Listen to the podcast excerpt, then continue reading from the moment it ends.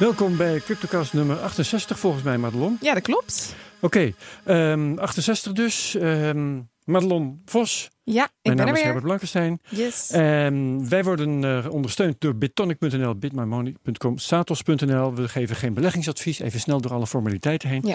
En we hebben twee gasten. Dat is best wel uitzonderlijk, heb ik me gerealiseerd. Mhm. Twee prominente Ja. gasten. Zij zijn, jullie zijn Oh. eigenlijk de blockchain-realisten. Hè? Dat is onze naam, ja. Dat, is, dat is wat jullie zijn. Eh, er zijn er ook niet meer in Nederland volgens mij. Zou het? Nou ja, Officieel niet. Jullie zijn Officieel het niet, bedrijf, de blockchain realisten. Dat is jullie twee. En de namen zijn Liekle de Vries, jij was hier eerder. En Ronald Mulder, jij was hier niet eerder. Klopt. Oké, hartelijk welkom. Dank u. Ehm, wat we gaan doen is, we gaan eerst even van iedereen het nieuws bespreken. En eh, ik, eh, nou Madelon, eh, je hebt nog het minst gezegd volgens mij. Wat is jouw nieuws? Ja, ik heb, ik heb behoorlijk veel nieuws. Nou, ik zal op. met eentje beginnen en dan gaan we daarna verder met het rondje. Ja. Ik wilde graag even beginnen met even kijken. Het nieuws over de kroon. Er komt een nieuwe versie van de IJslandse kroon. En deze zal worden verhandeld als e-money. En ik pak het stuk er even bij, want het is nogal ingewikkeld. Mhm. Ehm, het is een vorm van elektronisch geld. En dit wordt door een eh, blockchain bedrijf wordt dit in de markt gezet.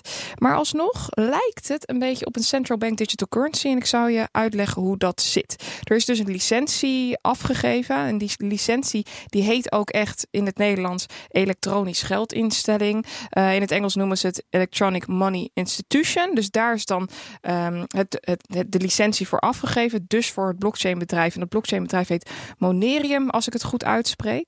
En het is heel interessant wat hier nu gebeurt. Want het is eigenlijk gewoon een digitale versie die je ook gewoon op de euro zou kunnen toepassen.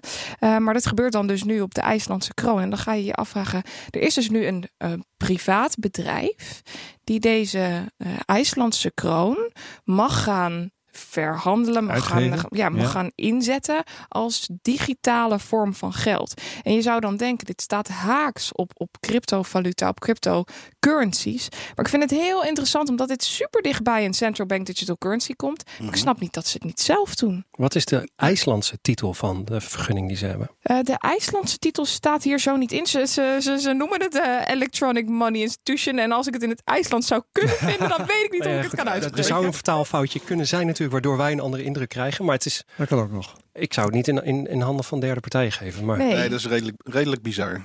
Maar gaan we dat straks ook op ehm, crypto exchanges kunnen kopen bijvoorbeeld? Het me is, af. een, het is een stablecoin, dus hij, eh, ja, het is geen stablecoin. Ik zeg het helemaal verkeerd. Het is gewoon een digitale versie van die kroon. Het is digitale Die- wat een fiat. ander, ja, wat Ja. een ander bedrijf dan daadwerkelijk eh, in de markt zet. Ze doen het gewoon niet zelf. Ze besteden het gewoon uit. Ja. Dus dat is alsof de ECB zegt, nou, er komt nu een digitale euro. Maar ik vraag me Even dan af, aanbesteden. die euro is toch al lang digitaal. Dus het verschil hierin eh, begrijp ik nog steeds niet helemaal. Maar ik vind het wel interessant dat IJsland het überhaupt het hele idee eh, ja, Het Ronald, heb jij daar als econoom, partij. want dat ben je, heb ik vergeten te zeggen. Heb jij daar iets eh, over te hoofdeconoom. Het, eh, Hoofdeconoom van de blockchain. Ja, zeker. Ja.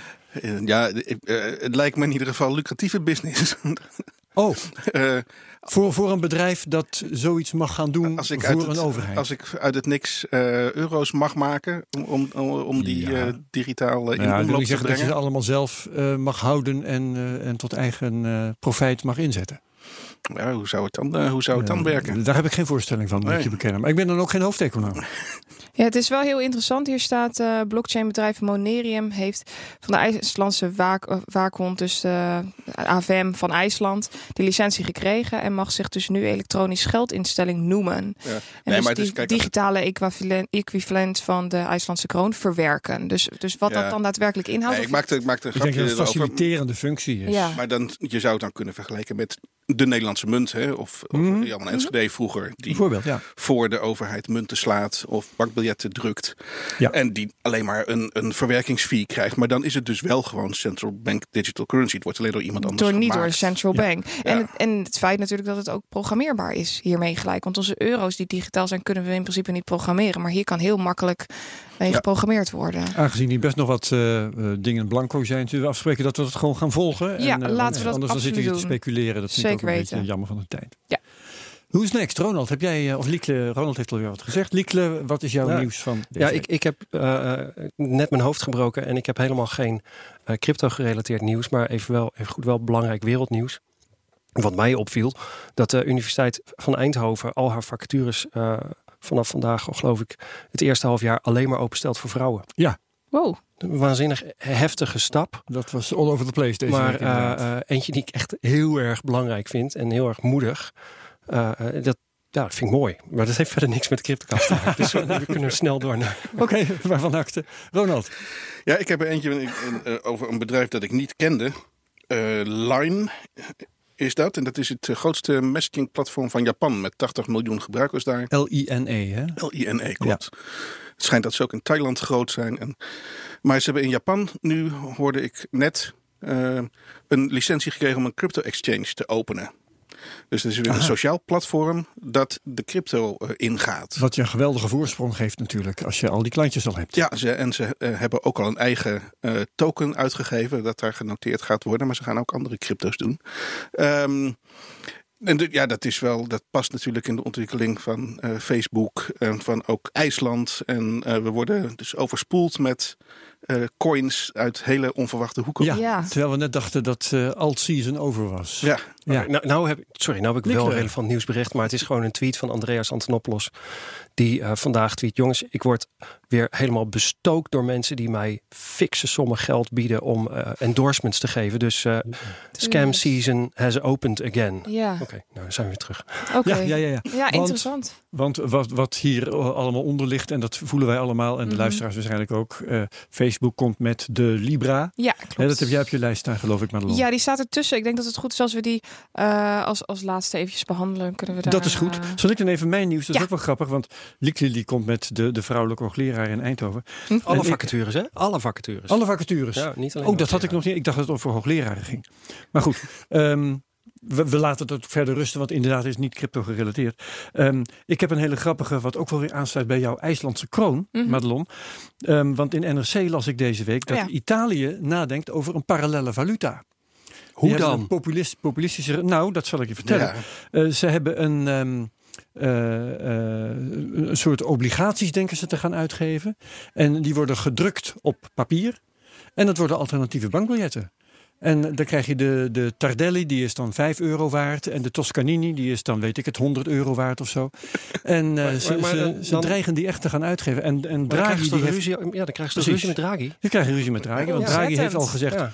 ofwel dit is eh, schuld. En dan eh, verhoogt het je staatsschuld en daar hebben wij bezwaar tegen. Ofwel het is valuta en dat mag je niet doen, dus daar hebben we zeker bezwaar tegen. Ja. Dus eh, als ze dat gaan doen, dan kan het nog een aardige storm geven. De Maar eh, de conclusie zou zijn dat ze uit de euro moeten. En daarmee ook uit de EU, hè, als ze dit echt gaan doen. ja, de en de veronderstelling is dat ze uit de euro willen en dat dit een soort eerste stap Daarom, is. wat is de reden? Waarom kondigen ze dit aan? Dat, wat, welk belang hebben ze erbij? Wat brengt dit in, ze- in Ja. gang? Ja. Ja. Maar goed, ook dit is redelijk speculatief en vol met onbekenden, omdat ze het nog niet gedaan hebben. Er wordt alleen mee geschermd. Maar die biljetten die schijnen al wel ontworpen te Dit zijn. Is potentieel trouwens een hele eigen podcastserie, denk ik, als onderwerp. Maar goed, ik ken geen dus- De, de Moneycast of iets dergelijks. Ja. Ja, nou we denken erover na, Lietje. Dankjewel voor dit idee. of doe het zelf anders, kan ook. Madelon, Ja, ik, eh, ik heb nog drie andere nieuwtjes op mijn lijstje staan. En daarvan is eentje, ehm, die gaat over Ubisoft. En voor de mensen die dat niet kennen, die is bekend van de games Far Cry en Watch Dogs. En zij experimenteren naar verluid met blockchain technologie. En nu ga je denken, oh ja, fantastisch, ze experimenteren daarmee. Maar ik weet niet of je het nog kan herinneren, Herbert. Wij hebben hier Vlad Miku een keer in de uitzending gehad. Ja. Ik vond het een hele openbarende expert in gaming en het Ja. gebruik van crypto daarin. Ja. Precies, dat was een hele mooie uitzending waarin ik echt dacht: wow, dit zou wel eens in de toekomst echt iets kunnen gaan doen. moeten En nog eens terugvragen. Ja, ik denk dat dat al wel weer, nou, misschien een van de eerste afleveringen Ja, geweest dat is makkelijk eh, meer dan een jaar geleden. Meer dan een jaar Ja. geleden, precies. En wat ik dus nu lees, is dat wat hij destijds voorspelde, dat dat nu daadwerkelijk eh, ja, een beetje vorm begint te krijgen. En wat ik hier eh, las, is dat items in games Mhm. een bepaalde online waarde gaan krijgen. En ik vind dit wel heel interessant, want eh, als je bijvoorbeeld kijkt naar een game als eh, World of Warcraft of Fortnite, waarbij je bepaalde kleding aan kan doen. Ik heb een jong broertje die dit toevallig speelt. En die, die spaart dan geld, zodat hij dan daar bepaalde kledingvoorwerpen kan, Ja. kan aanschaffen. Wapens en zo. Maar hoe leuk is het als je dat dan weer op een online markt weer kan doorverkopen en dat je dan kan zeggen: ik heb het zwaard van nou iemand die, eh, die En- bekend en- is of eh, dat daar dan reputatie in die gamewereld. precies Ja. dat daar ja, dan ja. meer waarde aan hangt, Eh, bekende game Dit is YouTuber of iets gebruikt door die en die. Ja, Ja, en, en er ontstaat dus echt een nieuwe, nieuw soort asset class, om het zo maar te zeggen. En dat noemen ze non-fungible tokens. Non-fungible, non-fungible tokens. Zo nieuw. woord. Jongens, jongens. Ehm, maar het is dus echt een digitaal eigendomsbewijs. En ik vind, ik vind het wel heel vet. Eigenlijk is het wat meer virtu- virtueel. Maar ehm, ja, we zien hierbij dat, eh, vooral voor de jonge generatie, dat er heel veel mogelijk is. En dat die het ook wel relatief snel omarmen. Het is Dat echt een vind ik leuk. perfecte use case voor, voor, voor blockchain technologie. Je maakt unieke digitale objecten die Ja. je buiten een centrale partij om kan verhandelen. Ja. En dat, dat, dat is, eh, misschien is het wel een, eh, de, de doorbraaktoepassing. Overigens, eh, de Duitse ja. bank Fidor, zeg ik het goed? Die bestaat. Die bestaat nog steeds. Die, die eh, eh, eh, liet jou jaren geleden al je World of Warcraft Gold eh, op hun, eh, in hun rekeningen bewaren. Ja, daar heb ik zo nog een vraag over als het om de? Ja. over de Libra gaat. Oh, laten we, da- laten we daar zo verder, Ja. verder op ingaan. Ik heb nog een ander nieuwtje. En dat is, ja, ik vind het een beetje jammer dat dit niet echt in de mainstream media naar boven is gekomen. Eh, er is eh, onrust gaande in Hongkong. En ik weet niet of jullie het hebben meegekregen. Sociale onrust, demonstraties. Ja. Niet een beetje onrust. Het is Heel heel, erg. erg onrustig. Er zijn 2 miljoen mensen de straat opgegaan in Hongkong zelf. 2 Ja, ze blijven miljoen. ook op straat, heb ik begrepen. Ja. en er is nu zoveel onrust en het gaat over een bepaalde wet. En nu moet ik er Mhm. even bij pakken hoe dat er precies uitzag. Dat eh, mensen Ehm, uitgeleverd kunnen worden aan China en daar eh, berecht of gevangen gezet. eh. Ja, ik denk dat het Ja, daar... zodat, terwijl, terwijl Hongkong eigenlijk redelijk onafhankelijke wetgeving Precies. heeft, Ja. zou dat op deze manier toch behoorlijk gelijk getrokken worden. En dat, is- ja, dat, dat, dat eh, zaagt aan de stoelpoten van de vrijheden in Hongkong. Daarom wonen die mensen daar niet. Nee, Nee. precies. precies dat. Precies, ja. En En wat, ze zijn heel, die vrijheden gewend. ja, en wat heel interessant is, is dat je eh, nu ziet dat mensen een tegengeluid laten horen. En niet alleen door de straat op te gaan, maar ook door bitcoin te kopen. Er zit namelijk een forse premium op de bitcoin prijs. En die premium betekent dat de koers dus hoger staat in Hongkong dan in de rest van de wereld. Dus we zien echt duidelijk dat er meer vraag is. En dat daardoor die, eh, die premium hoger ligt. Dat hebben we ook gezien in Iran, Mhm. in Venezuela, waarbij de economieën relatief afgesloten zijn eh, van onze Zimbabwe, economie. herinner ik me, ja. Precies. Waarbij de koersen enorm oplopen als het eh, ja, economisch wat minder goed gaat of als er onrust ontstaat. Ja, ik, heb er, ik heb er nog een tweede verhaal over voorbij zien komen. Dat ja? eh, mensen eh, die vaak dan het openbaar vervoer moeten nemen om naar die demonstratie toe te gaan, Ja. daar, eh, hun kaartjes daarvoor liever met cash betaalden dan met hun reguliere betaalpassen. Ogenschijnlijk, naar zeggen van de mensen die daarover twitterden, om te voorkomen dat eh, eh, hun identiteiten te snel gekoppeld zouden worden aan, oh dus jij was op de demonstratie. Ja, ja, Een Ah. aardig eh, voorbeeld van hoe cash privacy eh, ehm, Beschermd. beschermt. zeker. Ja, Ja. ontzettend. Helemaal Ja. duidelijk. Ja. Ik vind het ook meteen over Libra hebben trouwens. Ja. Dat gaan we nu langzamerhand ook doen, denk ik. Hè? Ja, want dat Ja. Is, het, eh, is het laatste nieuwtje. Eh, Facebook komt met Libra. En we hebben het al heel lang gehad over alle geruchten die naar buiten gingen. Maar nu is daadwerkelijk eh, het white paper daar. En, eh, Ja, we gaan ja, het nu trouwens even kort houden. En dan gaan we straks eerst even met jullie praten, Liekle en Ronald, over, Over, eh, Bitcoin. eh, sorry, eh, Breaking Bitcoin. Ja. Evenement waar jullie geweest zijn. En daarna gaan we echt los over Libra. Maar Madelon, kom eerst maar even met de essentie. Ja, heel kort. Eh, er is dus een whitepaper waarin duidelijk uitgelegd staat wat de doelen van eh, Facebook zijn met Libra en Colibra. Ze lanceren niet alleen een coin. Calibri. Calibra. Pardon. Ka Calibra, zo. Calibra. Calibra, Eh, ja, ja, ja. Colibri, eh, Calibra. Libra en Calibra. Ja, want er, ze introduceren niet alleen een coin, ze introduceren ook een wallet. Nou, daar zitten allerlei verschillende aspecten aan. Zowel als je het hebt over privacy en dergelijke. Ehm, maar ook als je coins naar elkaar wil sturen. en Welke wallet providers daar wel of niet mee akkoord zijn. Daar is nog heel veel over onduidelijk. Maar wat wel duidelijk is, is dat Facebook voornamelijk focust op eh, de partij of op de mensen die nu op dit moment niet mee kunnen doen aan het eh, betalingsverkeer. En digitaal betalingsverkeer. Dus die geen bankrekening of iets dergelijks hebben. Vooral de derde wereldlanden. En daar wil Facebook dus nu eh, in een gat springen. Daar ligt een marktbraak van 2 miljard mensen, als ik goed heb geteld. De, ja, de, de, nou, de berichtgeving vanuit Facebook zelf is voer voor spindokters. Wat wordt hier nou gezegd en wat wordt er nou eigenlijk bedoeld? Want Ja. dit, ik vind dit zo'n raar argument dat ze het daarom zouden doen.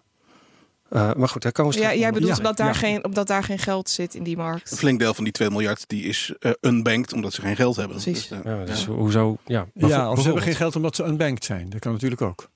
Ehm, nou, Nou, dat, dat Ja. één scenario. Maar Ja. goed, Gaan we straks verder op in. Dit is zijn, eh, nou ja, de, de basis eh, beginselen van Facebook Coin. En ja, Ja, en dat wordt heel spannend. Ja, En, eh, zeker. ja, eh, precies. Dus dit, dit hebben de meeste luisteraars waarschijnlijk eh, al lang vernomen. Ja. Dus dat laten we nu even liggen. We hebben gesignaleerd dat het nieuws is waar we het ook inderdaad straks over gaan hebben. Ehm, dus snel door met de verplichte nummers zou ik zeggen. Madelon, jouw prijs aan het lezen. Ja, ik pak hem er eventjes bij. Ik heb de grafiek voor me. Vorige week liepen we tegen een, ehm, een koers aan van pak een beet 9300 ongeveer. En dan zitten we nog steeds. Dit is een hele sterke weerstandslijn. Ik vertelde Ja, jullie. het is even 9500 geweest. Hè? Of Precies. 94, 90 of zo. Ja, hij is eh, even een tikje omhoog geweest. Maar die, die weerstandslijn die loopt een beetje schuin omhoog. Van links naar rechts. Dus de koers kan telkens een stukje hoger. Maar dan komt hij weer tegen het plafonnetje aan. En ehm, nou, we zien nu dat er ook horizontaal een, eh, een plafond aan zit te komen. Rond de 9300. En ja, de, de, de koers is op dit moment zo hard omhoog gegaan. Dat hij even in rustig vaarwater terechtkomt. We zien nu niet het duidelijk patroon of iets dergelijks waar ik nu iets mee kan.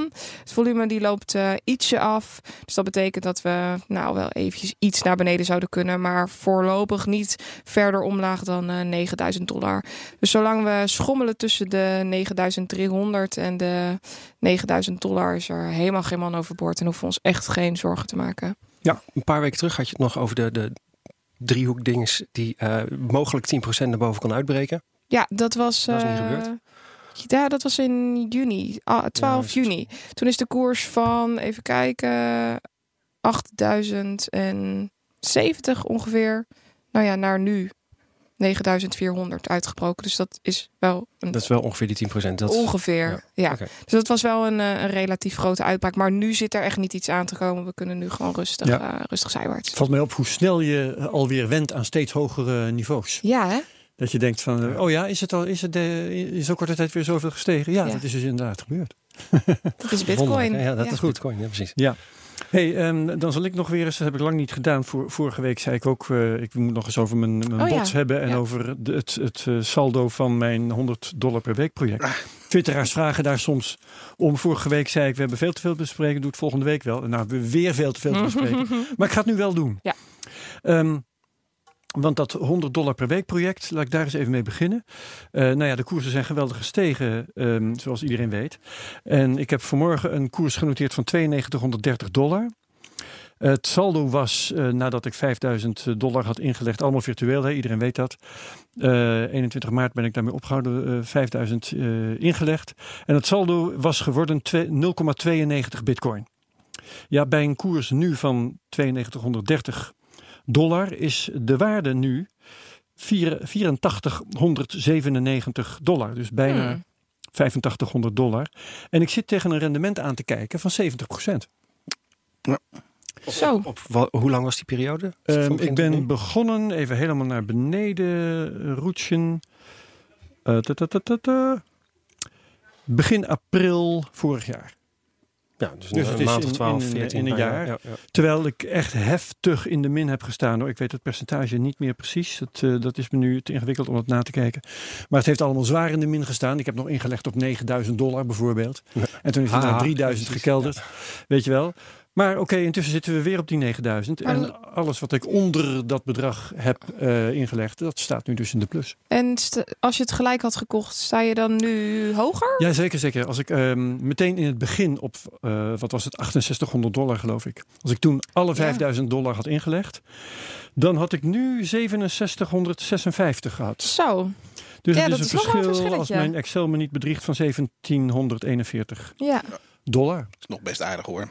Dus het is allemaal best Ja, geinig. gezegd, zou, zou ik ook niet treurig.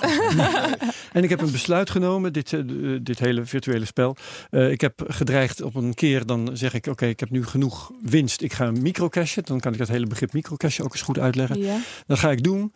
Ehm, als de bitcoin de 10.000 bereikt. Ik vind het namelijk leuk om dat binnenkort te gaan doen. Ik verwacht dat we dat binnenkort wel bereiken. Madelon dan- heeft net gezegd dat het nog een hele tijd horizontaal kan gaan. Ja, dat, kan. Maar een hele tijd is voor Madelon twee weken. Ja, klopt. Ja, dat is zeker Oh waar. ja, bijna daytrader-achtige focus natuurlijk. Ja. Precies, het blijft wel bitcoin, hè? dat zal ik maar zeggen. Okido. Dus dat is het 100 dollar per week project. En dan nog even de, de trading bots. Eh, ik heb het nooit verteld, maar dat heb ik dus met echt geld gedaan. Hè? Want je kunt Mhm. niet het, eh, de daden van een trading bot volgen virtueel. Dat is veel te ingewikkeld. Die bot neemt de beslissing wanneer die iets verkoopt, ja of nee. En als je dus het functioneren van een bot wil beoordelen, moet je er gewoon echt even geld in steken. Ja. Dat heb ik met een klein bedrag gedaan. Daar gaat het verder niet om. Maar ehm, ik heb al snel ontdekt waar Boris me ehm, meteen al voor had gewaarschuwd. Dat zo'n tradingbot eigenlijk heel slecht werkt bij een markt die structureel een bepaalde kant op gaat. Ja, klopt. Hij werkt bij veel volatiliteit. Ja, en eh, toen ik ermee begon was de bitcoin eigenlijk onderweg naar beneden. Mhm. En dat vond ik op dat moment niet zo heel erg. Ik dacht van ja, hij, hij- want hij, hij kocht dus alleen maar. Hè? Ja, Hij kocht alleen maar bitcoin. En ja, de koers ging naar beneden. Dan Ja, koop je elke klopt, keer als het ja. gedaald ja, is, koopt hij. En de bedragen die hij kon kopen werden dus steeds kleiner. Op een gegeven moment was hij echt met, met losse eh, euro's of dollars in de weer. En dat zette dus allemaal helemaal geen zoden meer aan de dijk. Maar goed, ik dacht met eh, recht en reden. eh, het gaat wel weer omhoog en dan komt het allemaal weer terug. En dan ga je dus winst maken. Dat is ook gebeurd. Ehm, Maar ging hij dan ook verkopen als je omhoog ging? ja, ja, allemaal automatisch natuurlijk. Ja, want elk, elk pak, pakketje, dat noemen ze dan een pocket, Mhm. dat hij had gekocht, dat verkocht hij dan weer als dat pakketje op zoveel Zoveel procent procent stond. winst Ja, stond. ja. Oké. 2,5% of zo, ik weet niet precies. Ehm, maar goed, dat leidde dus al met al ja, tot, een, tot een bepaalde winst. Was, was ook eh, minder dan wanneer je gewoon had gewacht, bijvoorbeeld. Eh, meer Ja. wanneer je meteen alle, alle bitcoin had gekocht. Ehm, maar vervolgens, eh, wat natuurlijk is gebeurd, is dat de koers structureel begon te stijgen. Ja, en dan wordt En het toen, toen had ik dus bitcoin en die werd vervolgens weer successievelijk verkocht. Ja. Terwijl de koers omhoog en toen dacht ik, hé, maar eh, dit wil ik helemaal niet. Want ik verwacht helemaal niet dat hij uiteindelijk weer naar beneden gaat en terugkomt op dat oude niveau. Mhm. Hè, dan, dan zou je kunnen verkopen en winst nemen. Nee, ik denk dat hij doorgaat. Dus ik zat dat allemaal aan te zien. Ik dacht, dit is helemaal niet de bedoeling. Oh, stop. Dus kortom, ik heb het experiment met de tradingbot beëindigd. Mhm. Omdat eh, eigenlijk wel redelijk goed te voorspellen was dat dit, eh, dat dit slecht zou aflopen. En ga je hem dan, Namelijk met een stapeltje ja. dollars of euro's en geen bitcoin. En Ja. eh, einde verhaal. ga je hem dan strakjes ook weer inzetten op het moment dat je denkt, nou, we kunnen nu toch wel ongeveer rond dit top zitten. Ik ben heel benieuwd hoe dan zo'n tradingbot daarop zou Nou, ik, reageren. ik, heb, ik heb nu dus gewoon het, het, wat, wat er lag aan, eh, aan eh, dollars. Heb ik weer in bitcoin omgezet. Ja, Eh, en ja, op, op een keer ga je natuurlijk denken van eh, nu staat die markt weer zo hoog, dan moet ik verkopen. Maar eh, ja, we, we weten allemaal dat je daarbij ook mis kunt kleunen. ja. En dat nadat je verkocht hebt, eh, dat de boel nog eens eh, drie keer over de kop gaat. Of juist dat je wacht met verkopen tot het allang weer eh, als een pudding in elkaar is gezakt. Dus Maar- ik eh, denk dat Hoddle dan toch het beste plan Ja, of, is. je, of je moet eh Madelon vragen om een beter algoritme voor je te schrijven. Hè? Dat, wat, Ja. wat op, die Ik kan trendmatige het stijging is. eh, proberen. Maar goed, dit is, dit is gewoon een einde experiment. Eh, dat wou ik even duidelijk maken. Als de eh, koersen dalen, dan heb je, wat, eh, heb je een beetje aan een bod. Mhm. Als je er aanneemt dat de koersen weer terug omhoog gaan. Als het volatiel is, heb je natuurlijk veel aan een bod. Ja. Maar je weet nooit hoe lang de koersen volatiel blijven. Mhm. En als het eh, echt ehm, structureel omhoog gaat, dan moet je er eruit, want dan heb je er niks aan. Ja. Dat is het verhaal. Nou, mooi. En dan is eh, het plan nu om eh, te gaan praten met Liekle en Ronald over eh, Breaking Bitcoin, denk ik. Breaking Bitcoin, wat nu voor Wat de is dat? Wat was dat? tweede keer plaatsvond. Eh, het is een, eh, een congres van twee dagen. Gevuld met presentaties van mensen die vooraf eh, papers hebben ingeleverd. En zijn geselecteerd als, eh, nou dit gaat inhoudelijk ergens over. Het is goed genoeg om voor een eh, groter publiek te vertellen. Over alles wat er nog stuk is of stuk kan gaan aan bitcoin. En het is één keer in de twee jaar. En er is zoveel het- stuk dat je daar wel twee dagen over kunt praten. Ja, want het is maar één keer in de twee jaar. Want het, het andere jaar eh, organiseren ze eh, Building on Bitcoin. En dan gaat het over alles wat er aan toepassingen bovenop gebouwd Oh, kan worden. oké. Die heel erg de moeite waard zijn. Eén Dat is een leuke Eén afwisseling. jaar kapot maken en één jaar bouwen. Precies. Maar ja, eh, dat, dat is leuk hoor, om en om en, en dan met die titels. Maar eh, in, het gaat op Breaking Bitcoin vast ook wel over bouwen. Nou, uiteindelijk gaat het erover. De, die, die verhalen die worden gedeeld om te zorgen dat het Bitcoin eh, een, een sterker systeem wordt. Ja. Dus we hebben presentaties gehad over. Nou, eh, hier en, op deze en deze manier is de privacy nog niet zo best. Eh, en kan zelfs zoiets als een Wasabi wallet nog wel eh, beter dan die nu al is. Hm. Eh, ehm, maar we hebben ook een voorstel gehoord over eh, state chains. Een soort van tweede niveau toepassing die ook helpt bij het schalen van het netwerk. Dat is gewoon een nieuw idee. Ehm, dus, dus uiteindelijk gaat het een beetje overal. gaat het zowel over bouwen als stuk maken. Maar dit ging wel heel specifiek ook over wat zit er nou in het Bitcoin-protocol. En daar direct tegenaan wat nog beter kan of moet. Ja. En de, de insteek was heel duidelijk weer, net als vorig jaar ook. eh, eh, hoe, hoe kunnen we ervoor zorgen dat dit decentraal blijft of nog decentraler wordt? Hoe kunnen we ervoor voor zorgen dat de haakjes die bestaan om het per ongeluk toch naar één partij toe te laten bewegen, om, dat we die er nog weer uit kunnen krijgen. Uh, wat betekent het als we Schnorr signatures gaan doen? Wat voor uh, andere implicaties heeft dat? Nou, al dat soort onderwerpen komt dan twee, komt dan twee dagen lang uh, aan, aan bod. En um, nou ja, wij hebben dan binnen, binnen twee praatjes hebben we hoofdpijn. Want het is allemaal nu heel erg ingewikkeld heel technisch. technisch. Ja? Ja, um, ja, Maar de lol is dat er lopen dan in dit geval zo'n 200 mensen rond. Overigens uh, zeg maar 196 mannen en uh, vier vrouwen misschien. Ja, ja. Wat, voor, wat voor mensen zijn dat dan? Die, die vrouwen dan... zijn de verslaggevers. Ah, ja, er, was, er was iemand van Coindesk die verslag deed. Uh, bijvoorbeeld. Uh, maar dat zijn, dat zijn developers. Dus er lopen core developers rond. Uh, daar lopen um, uh, ontwikkelaars rond van uh, services en diensten die iets met Bitcoin doen. allemaal partijen, mensen die dus actief bijdragen aan, aan de code en aan de toepassingen. Ja. En wat is nou het interessantste dat je hebt gehoord? Kun je een paar voorbeelden noemen?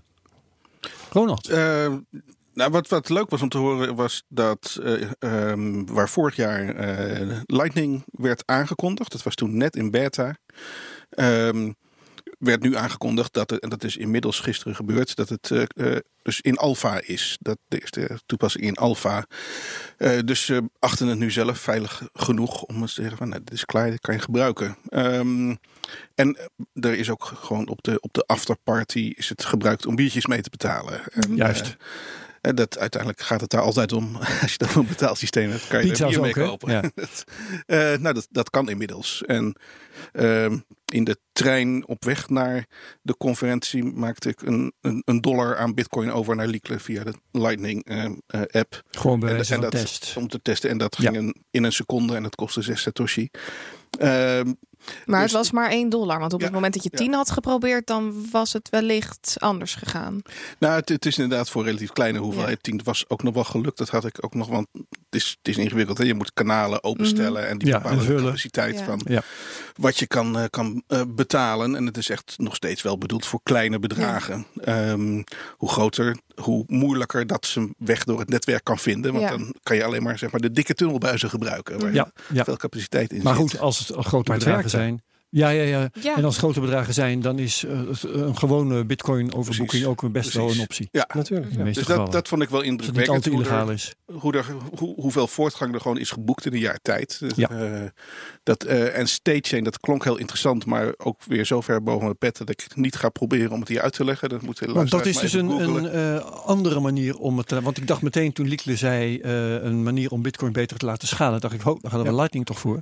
Maar dat is weer een andere Weer een andere. Ja, dat, komt- dat komt- kan op verschillende manieren. De, de, de essentie van het idee van state chain, wat dus een idee is, daar, daar moet nog allemaal code voor geschreven worden, eh, zou zijn dat eh, eh, het je in staat stelt om private keys van bitcoin of stukjes bitcoin aan een ander te geven. Goed buiten, idee. buiten de Ja. bitcoin blockchain. Ja, nou, dat is inderdaad, het is nogal een staaltje van omdenken. Want Heel we, raar. we zeggen hier altijd, not your keys, not your coin. Ja. Dus die Ja. private keys, daar wil je juist het beste op passen. En dat is meteen waar je dus binnen drie zinnen je uitleg je hoofdpijn hebt. portemonnee geef je aan iemand. Om dat veilig te kunnen doen, moet er heel veel ingewikkelds geregeld worden. Maar de grap zou wel zijn dat als dat werkt, dan eh, kunnen wij allerlei eh, bitcoin transacties met elkaar doen door die private key aan elkaar door te geven. je Dat hoeft allemaal niet op de bitcoin blockchain geregistreerd Precies, te worden. Ja. Dus daar kunnen we immense hoeveelheden mee doen. En in onderweg kunnen wij als betrokkenen wel nog steeds in de gaten houden wie heeft de correcte claim op de bitcoin. Hmm. Uh, dus het is in dat, uh, wat dat betreft uh, even fijn als eh, Bitcoin zelf. Ja, Is want dat- zomaar een private key aan iemand geven, eh, dat is iets heel raars. Want ehm, eh, die ander, die heeft, kan ook aan die private key helemaal niet zien wat die key waard is. Ja. Ja, klopt. En dat, eh, wat zeg je, state chain systeem zou dat dan moeten ondervangen en daar toch een serieuze voor Staat iedereen. los van, eh, van Lightning? Of? Ja. Het is een totaal andere manier. Dus het kan ook naast elkaar bestaan. Oké. Ik weet niet of je het kunt combineren. Nee, dat, precies. Dat durf ik nu niet zeggen. Maar dit kan eh, ook zorgen voor schalen. Mhm. En waarschijnlijk kan het zorgen voor schalen voor andere soortige use cases. Hè? Dus wellicht dat Lightning voor altijd het meest geschikt is voor bedragen onder de 10 dollar, bij wijze van spreken. Verzin ik nou even, weet ik natuurlijk Mhm. niet zeker. Dan zijn er wellicht andere toepassingen waarbij de, eh, de Bitcoin gaat over eh, dat, dat iets in de echte wereld vertegenwoordigt. Of dat, dat soort toepassingen. Daar kan die private key misschien dan wel eh, via een state chain van eh, houder wisselen. Mhm. Uh, dat zou een hele andere use case kunnen leveren, waar je ook schalingsproblemen nu hebt als je het in de Bitcoin blockchain zou stoppen, die je oplost door het in een state chain te zetten. En dat, dat is het belangrijkste waarvan jullie zeggen. Dit is, is een van de ontwikkelingen waar, die we de komende tijd wel. uh, ja, omdat, uh, Ja. meer omdat schaalbaarheid, scaling is, blijft natuurlijk een issue. Omdat je op die conferentie ook heel duidelijk merkt dat als het om het basisprotocol gaat, dat al die ontwikkelaars de, de, uh, schaal, snelheid en zo voorkomen onbelangrijk vinden. Het gaat puur om anonimiteit, fungibility, uh, veiligheid.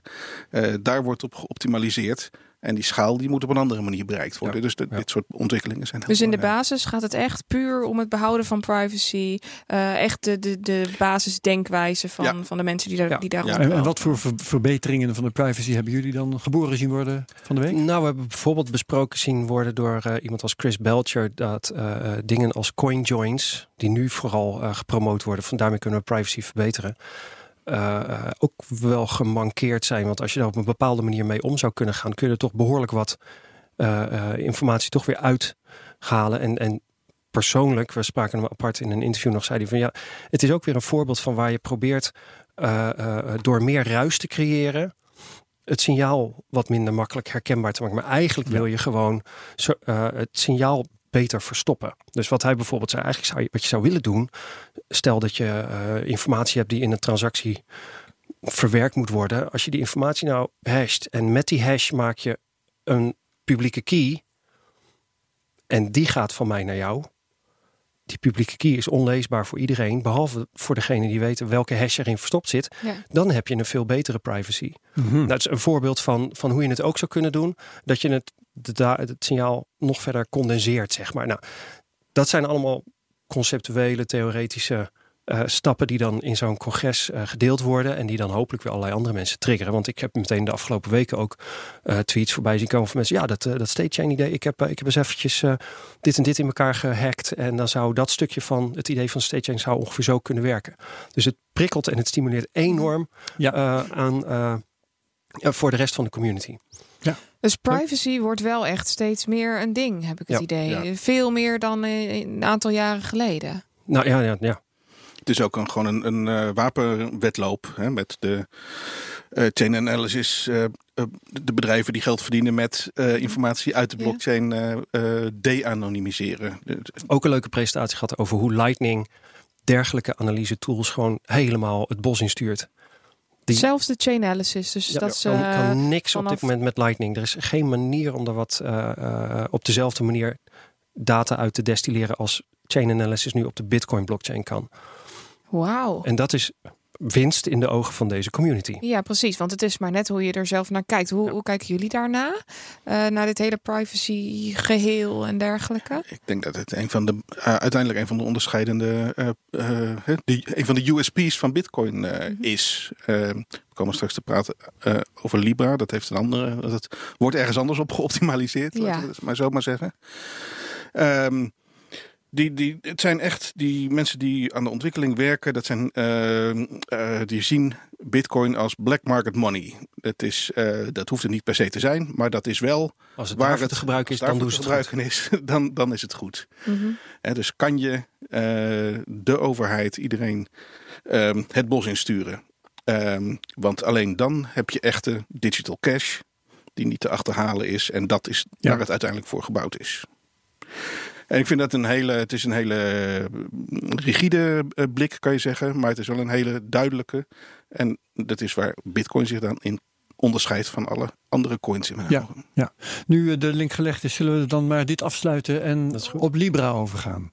Want nou ja, Marlon heeft het net al ingeleid en we weten allemaal waar het over gaat. Ehm, laat ik gewoon maar de, de vraag in de groep gooien. Wat vinden jullie ervan? Ik vind het prachtig. Jij vindt het prachtig. Nou ja, Dat klinkt ironisch. Dat hangt er vanaf van hoe je het bekijkt. Ja, ik zal even zeggen dat ik het afschuwelijk vind. Dat is Liekele. Ja. Eh, prachtig was Ronald. aha. Maar eh, Ronald, jij zei het eerst wat, dus eh, leg maar eens even uit. Nou, het, het, ehm, het prachtige is natuurlijk dat de bedrijven die hierachter zitten, en dat is niet alleen Facebook, eh, maar dat is ook eh, Visa, Mastercard, eh, PayPal, Uber, Uber, eh, ja. hele rits, eh, 28 in totaal. Ehm, dat die dus eigenlijk is het een grote vali- validatie van blockchain, van cryptocurrency. Van, eh, ze gaan hier heel serieus mee aan de slag.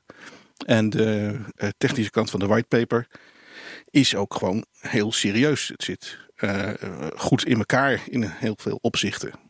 Ehm, En ze gebruiken blockchain en ze gebruiken dat ook naar jullie idee functioneel en niet als een ehm, trendy, eh, kijk ons nou eens modern zijn Eh. soort van ding. Ja, ja en nee. Ehm, kijk, het zijn 28 partijen. En, en die zit dus, dus een, een, een gesloten systeem. Het zijn eh, die 28 partijen, dat zijn de validators. Die draaien een full node, zoals je het in Eh, normale de termen zou miners als het ware. De- eh, ja, hoewel er niet gemined wordt. Nee, goed, maar dus, Ze, ze draaien die blockchain. zij draaien die blockchain. Van buitenaf kan je er niet in kijken. Zij Precies. zien wat er gebeurt. ja. Dus het is een permissioned blockchain. Dus Ja. er zijn 28 partijen die in de blockchain op kunnen dit kijken. moment. En het zouden er 100 moeten kunnen worden, wat Facebook betreft op dit moment. Ja. En die betalen allemaal 10 miljoen Ja. om die noden te mogen draaien. Of althans, ze zijn... Ja. Ja. Correct. En Ja. is dat eh, even tussendoor 10 miljoen eenmalig of 10 miljoen per jaar? Ja, dat is eenmalig. Eenmalig. Dat is, dat is eh, het lidmaatschaps, eenmalig lidmaatschapsgeld om Ja. je in te kopen. Ehm, daar kom je meteen bij een heel interessant punt. Want ze zeggen dat gaan we uitbreiden naar 100. Maar op termijn, eh, over vijf jaar noemen ze als concrete datum, ehm, moet het een open systeem worden. Dan moet eigenlijk iedereen ehm, mee kunnen doen en een node kunnen draaien, net zoals bij Bitcoin. Ja, ja. En dat, dat is natuurlijk eh, heel, heel erg moeilijk. Want wat ik net al zei, dan heb je hele andere ontwerpprincipes opeens. Hè. Dan moet je, Ja. nu weet je wie dat zijn, die 28. Ja. En dan heb je een heel ander, eh, hoe noem je dat, aanvalsmodel. Dan wanneer iedereen maar anoniem Ja, kan het toetreden. kan nu allemaal gewoon achter een eh, hek staan, een virtueel hek dan wel. Ja. En dat kan dan niet meer.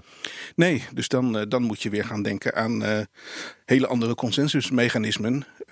Want dan moet je ervan uitgaan dat er wel eens een eh, aanzienlijk deel eh, van je validators kwade bedoelingen zou kunnen hebben. En de boel Ja. zou willen vervalsen. En als we dan kijken naar die, die 28 partijen, eh, daar zitten hele verschillende partijen in. Zowel Vodafone als Coinbase als eBay, e-commerce partij. eh, Booking zit er tussen, Spotify, eh, maar ook PayPal, Visa, Mastercard. Het zijn heel veel verschillende partijen. En één ding wat mij opvalt, is dat er geen bank bij zit. Juist. Heel goed. ja. Ja. En dat is, Wel betaalbedrijven, hè? PayPal, Ja. Ja. Visa.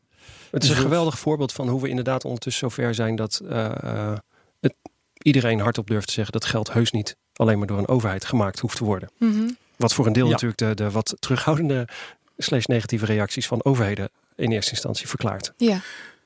We, dit, dit is weer gissen. Hè? En Mhm. daar heeft Herbert een hekel aan. Maar eh, dat mag wel even. ik ga ervan uit dat ze wel bij banken hebben aangeklopt. Dat ze wel graag één of meerdere banken aan boord zouden hebben gehad. En ze hebben in Londen gesproken eh, met de centrale bank. En in Amerika hebben ze ook eh, gesprekken gehad. Maar wat daaruit gekomen is, dat ja, blijft gissen. Want het is natuurlijk, als je partijen met een bankvergunning aan boord hebt, worden een heleboel dingen een stuk makkelijker. Ja, Maar ik denk dat banken heel huiverig zijn, juist omdat ze die kant van het spel veel beter kennen dan, eh, dan, dan deze Silicon Valley bedrijven. eh, om hiermee eh, in zee te gaan. zouden we kunnen zeggen dat Facebook hierdoor strakjes machtiger is dan een eventuele bank? Want Facebook bezit dan niet alleen samen met deze 28 partijen alles wat er qua betalingen over het ne- netwerk heen gaat. Maar daarnaast bezitten ze ook al onze data over wat wij online doen, hoe vaak we foto's plaatsen, met wie Nou, we dat- contact hebben nou, dat- dat is precies waarom ik het afschuwelijk vind. Hè. Als, ik, als ik nu een bedrijf was en ik had 10 miljoen liggen, dan ging ik meteen een node eh, Ja, verwerven. Het is want heel dan, goedkoop. dit is waanzinnig wat je allemaal aan data tot je beschikking ja, krijgt. ja, dat, dat, ja, dat dacht ik ook. Maar ehm, de data die die nodes te zien krijgen, die zijn gepseudonymiseerd. Pseudonymiseerd, op dezelfde manier als Bitcoin Ja, dat ja, doet. dat is al lang opgelost door de FATF. Ik wou zeggen, dat, Oh, serieus, ik ga, daar ga je wel complot van denken bijna, er zijn, van die er zijn wel manieren in het algemeen hè, om geanonimiseerde data weer te de-anonymiseren. Dat, ja, ehm, misschien, misschien. Tuurlijk, eh, kijk, in ieder geval Dat is kun het... je met zoekgegevens, dat kun je met adressen, van alles en nog Ehm, wat. Eh, er gaan geen eh, ehm, ehm, persoonlijke gegevens mee, eh, in principe. Hè? Dus, tenminste, dit Mhm. is voor zo het, zoals het wordt Ja, met de coin op, op, het- op het netwerk van de coin of bij Calibra, waar we het net Ja, over hadden. nou, Want daar daar- zit daar- nog weer een verschilletje in. Daar, daar kom ik zo op, want dat is een heel Ja. belangrijk punt. De, eh, de Libra Association, dat is eh, een vereniging die losstaat van Facebook. En daar hebben die 28 partijen en straks 100 allemaal een gelijke stem in. Dus je kan niet zeggen dat die data dan van Facebook zijn. En ze, Mhm. in, ze beloven dat ze daar heel netjes mee omgaan. En Facebook snapt Ja. natuurlijk zelf ook wel dat als zij dat roepen, dat niemand dat gelooft. Dus dat hebben ze goed, slim gedaan. Ja, de meeste van die data zullen vooralsnog wel ontstaan op het netwerk van Facebook. Want het zullen Ja. transacties zijn tussen Facebook-gebruikers. Precies, hè, dat is de andere helft van wat is aangekondigd. Facebook heeft, gaat een wallet lanceren, Calibra heet dat. En die wordt heel nauw geïntegreerd met de rest van het Facebook-ecosysteem. Dus je kan in eh, WhatsApp of in Facebook Messenger. Instagram. En misschien straks ook wel op Instagram in eh, die, eh, private eh, messages. eh, kan je geld meesturen, kan je eh, Libra meesturen. Ja. En ehm, er gaan andere wallets komen voor Libra, want het is voor een groot deel is het open source. En zomaar niem, geen enkele andere partij kan natuurlijk die eh, Facebook-integratie bieden. Eh, Nee, behalve als ze het gebruiken op hun eigen Facebook-pagina. Bijvoorbeeld eh, Albert Heijn, ik noem maar wat. Eh, elke winkel kan op Facebook dan zijn waren verkopen. Ja, maar per, En per definitie hebben ze dan altijd nog weer minder bereik dan de Calibra wallet. Oké, ja. Ja, want wat ik me dan afvraag Ja, is en- waarom staat zo'n zo'n zo'n eBay er bijvoorbeeld tussen? Gaat hij dan straks deze coin ook als toepassing eh, of als mogelijkheid om te betalen accepteren? Ja, ik denk dat een flink, ligt wel ja, voor de hand. Dat, dat ligt voor de hand. en Booking Ehm, en Spotify? Tuurlijk. Ja. Ja, dat ligt voor de hand. Ik denk dat ze er eh, voor een groot deel uit nieuwsgierigheid bij zitten. Hè. Dat is gewoon eh, 10 miljoen. Dat is voor ons eh, belachelijk veel geld. Maar voor eBay valt het wel mee. Ja. Ja. Eh, maar Calibra, dat is, dat is het, eh, het, het, het Trojaanse paard hier. Want eh, als verreweg de meeste mensen, zeker in het begin, zullen dat als hun wallet gaan gebruiken. Calibra is een 100% dochter van Facebook. En als ik eh, geld overmaak naar jou, eh, Herbert, eh, binnen Calibra, dan komt die transactie nooit op die blockchain terecht. Dan vindt dat alleen maar in de boeken van eh, Calibra plaats. Net Ah, als bij een exchange. zeg Net zoals maar. het nu bij Coinbase regelmatig het geval is. Ja. Ja. Eh, en ehm, Calibra, die deelt wel informatie met Facebook. Daar zijn ze in hun terms and conditions ook eh, heel eh, open over. Ze zullen wel moeten, maar En dat, jullie zijn geen financiële experts, tenminste waarschijnlijk meer dan ik. Maar mijn vraag is, wie gaat hier nu een bankvergunning nodig hebben? dat verschilt natuurlijk per land. Per jurisdictie, ja. Per jurisdictie. Ehm, Calibra heeft in de Verenigde Staten in ieder geval al, eh, hoe heet het daar? Eh, Money Transmission, Transmission Services eh, licenties aangevraagd. Aangevraagd. Aange- eh, ja, volgens mij alleen nog aangevraagd. Ehm, ze zullen hier in Europa waarschijnlijk een e-money licentie nodig hebben. Denk ik. Mhm. Eh, maar dat, ja, dat, dat is een van de dingen die best wel moeilijk zijn. Of, of Libra, de Libra-vereniging, of die ook nog licenties nodig hebben. Kan je afvragen. Ze zitten in Zwitserland. Ze, onder Zwitsers recht kan daar geloof ik vrij veel op, eh, op het gebied van uitbrengen van tokens. Ja, nee, maar ja, goed, het veel moet in- partijen zitten in. Het, eh, moet in alle, het moet in allerlei jurisdicties, in allerlei landen moet het gaan functioneren. Dus ik denk niet dat je ermee bent dat je in Zwitserland de juiste vergunning hebt alleen. Ik, ik denk het ook niet. En het is natuurlijk, eh, dat is weer de keerzijde van een permissioned systeem zijn. Ja. Eh, overheden kunnen eh, de boel redelijk makkelijk uh, uh, blokkeren voor Ja, ieder. eh, Dat wil ik vaststellen, want ehm, Bitcoin valt niet tegen te houden. Want eh, het is software en iedereen kan software draaien. Zolang je niet verboden krijgt dat, dat je op een PC bepaalde software draait.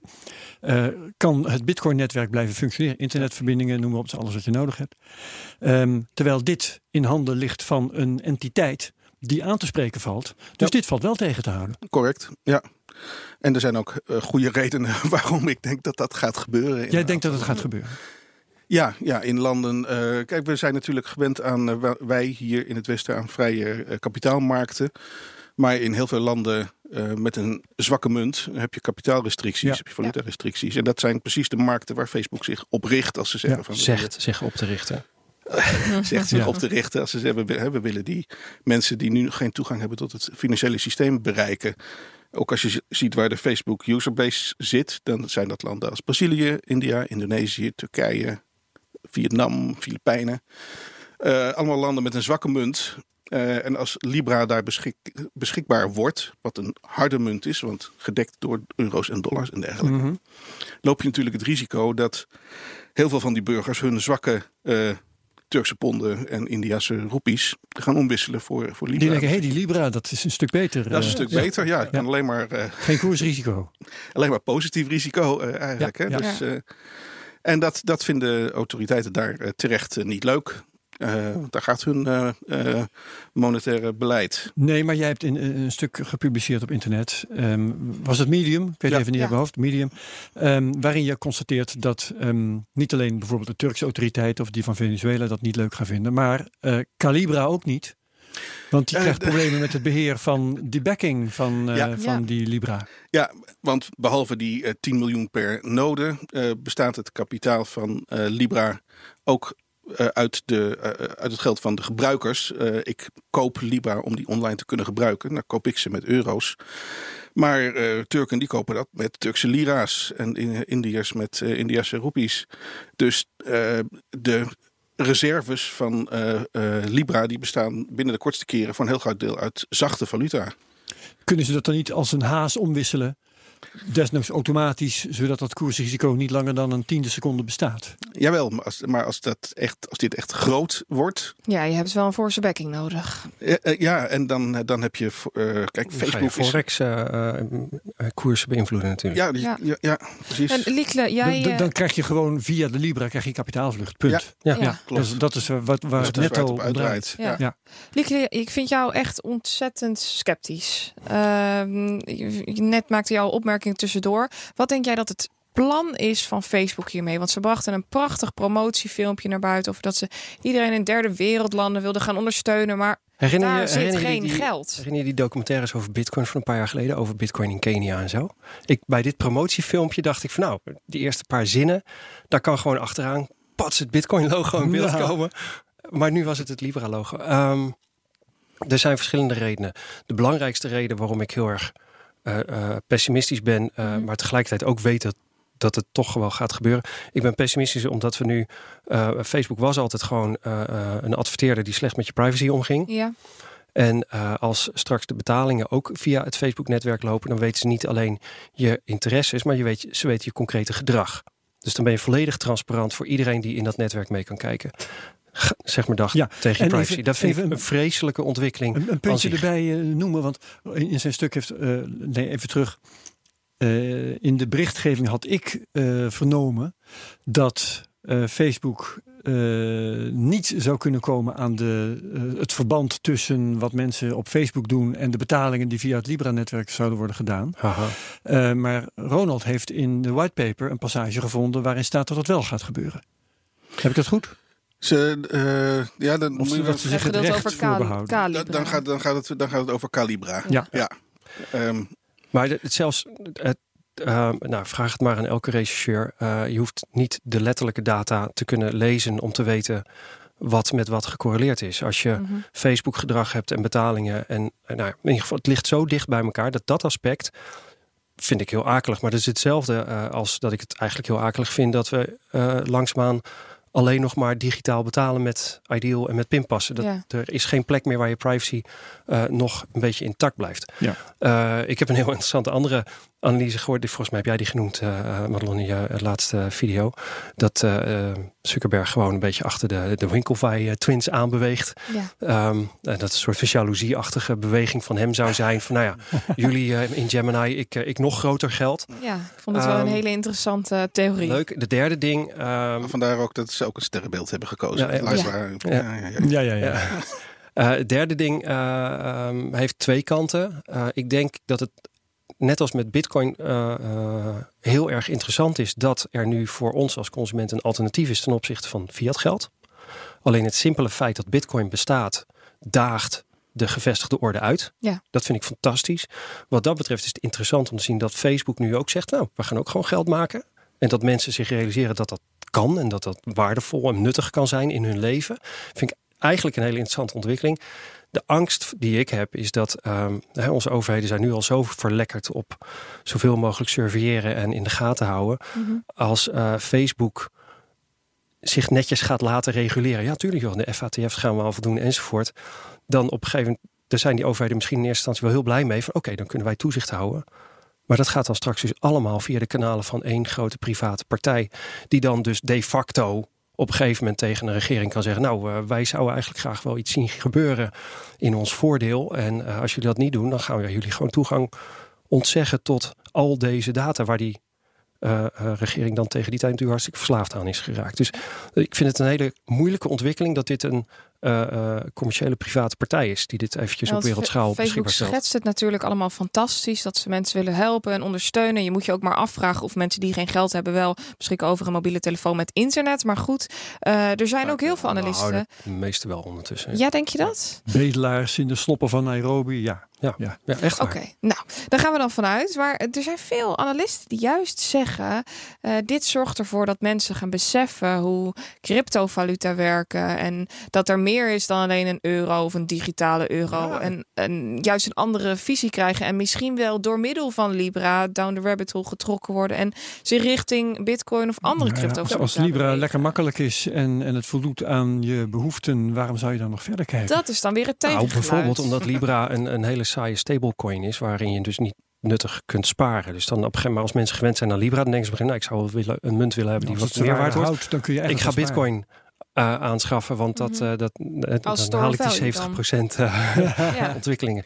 Dus ja, het zou een gateway drug of een gateway, een on-ramp kunnen zijn om een veel grotere massa aan mensen te laten wennen aan cryptocurrencies, aan digitaal geld.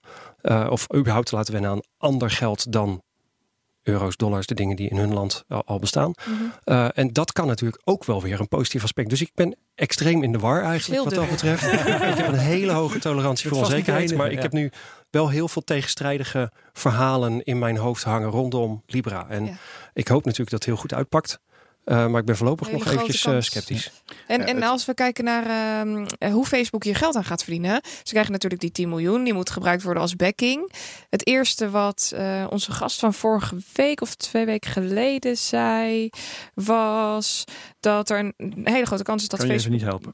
dat Facebook juist ervoor zorgt dat ehm, wij eh, onze ge- gegevens aan hun blootgeven. En dat zij dat dan weer doorverkopen. En dat dat dan hun verdienmodel is. Niet Ja, zozeer dat- dat er op dat- transacties wordt nee, verdiend. precies. Dat, maar dat is eh, eh, altijd hun verdienmodel tot nu toe. Het Ja. monetariseren van data. Dus 98% van de inkomsten van Facebook.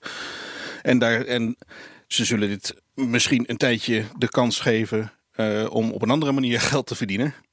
Maar als dat niet snel gebeurt, dan weet ik wel wat ze gaan doen. Dan gaan ze namelijk doen wat ze altijd gedaan hebben: data monetariseren. Ja.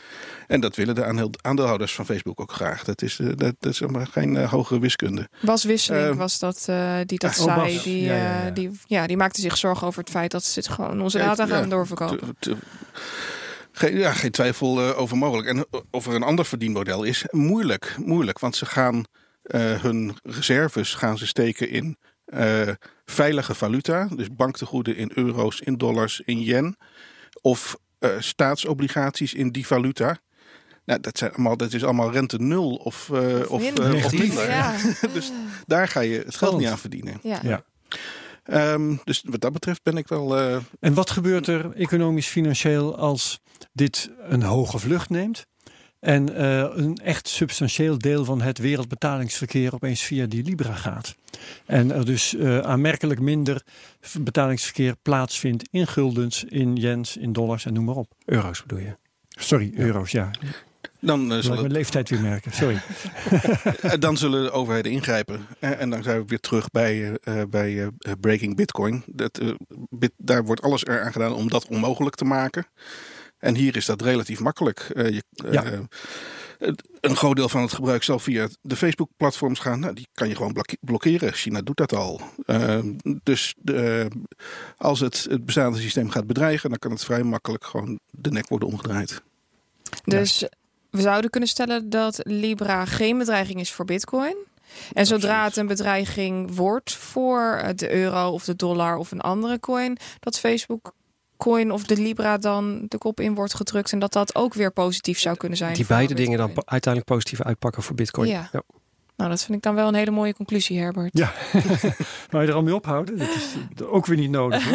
Nee, nee, maar het, het, is, 55 het is fijn dat zoiets wat, wat je heel erg on, eh, onwennig maakt. En ehm, eh, ik, ik heb hetzelfde als Liegele. Je hebt eigenlijk Ja. totaal geen idee wat je, wat je hiermee moet. En ik merk dat we gaandeweg tijdens dit gesprek wel... eh, ik krijg wel wat meer rust over Facebook. Coin, Maar laten we, laten we even duidelijk zijn. Het is, het is natuurlijk fascinerend dat Facebook dit durft. Hè. We hebben de afgelopen jaren is er over gepraat, maar niemand wist hoe het zat. En, Mhm. en nou ligt er iets wat ook de eerste indruk in ieder geval wekt dat het op heel veel niveaus behoor- behoorlijk ver is doorgedacht. Ehm, goed uitgewerkt. Waardoor we dus ook nog wel even bezig zullen zijn om te snappen wat er precies gebeurt. Terwijl er toch aspecten aan zitten, zoals bijvoorbeeld, hè, hoe zit dat dan met dat mandje eh, eh, eh, spulletjes die ervoor zorgt dat het een mooie stablecoin zou moeten kunnen zijn. Hoe, hoe, hoe denkt Facebook dat nou ooit wereldwijd te laten werken? Ja, Ja. het onderschat Dat is weer net alsof ze dat inderdaad op zijn Silicon Valley's eh, even snel gedacht. Nou, move fast, break things, we zien het wel. Ja. Ja, ja, ja. En ehm, Facebook is nou de first mover in dit opzicht. Maar ik had het er eh, van de week in BNR Digitaal met eh, Ricky Gevers het erover dat eh, andere grote techbedrijven dit natuurlijk ook zouden kunnen doen. Nou. Waarom zou Google niet een Google Coin gaan bedenken en Apple niet te vergeten? Ja, dat, Apple heeft Amazon. natuurlijk de Apple Credit Card gelanceerd, hè, of aangekondigd. Ehm, eh, waarmee je ook Apple Cash verzamelt als je aankopen doet. En met die Apple Cash kun je bij Apple weer dingen kopen. Mhm. Of eigenlijk alles wel, geloof ik. Een soort van rente op je geld. Ja, maar dat is toch Maar wat minder toch- dat is ambitieus. toch meer een loyalty program Dat is meer een loyalty program. Ja. Dus de, de grote breinbreker is hier. Hoezo moet dit nou een cryptocurrency zijn, die Libra? Ja. Waarom moet dat nou? dat, vraag jij je af. dat- ja, dat, Ja. Is de grote, dat is de grote vraag. Want alles wat Facebook hiermee bereikt, hadden ze ook zonder cryptocurrency kunnen doen. Ja.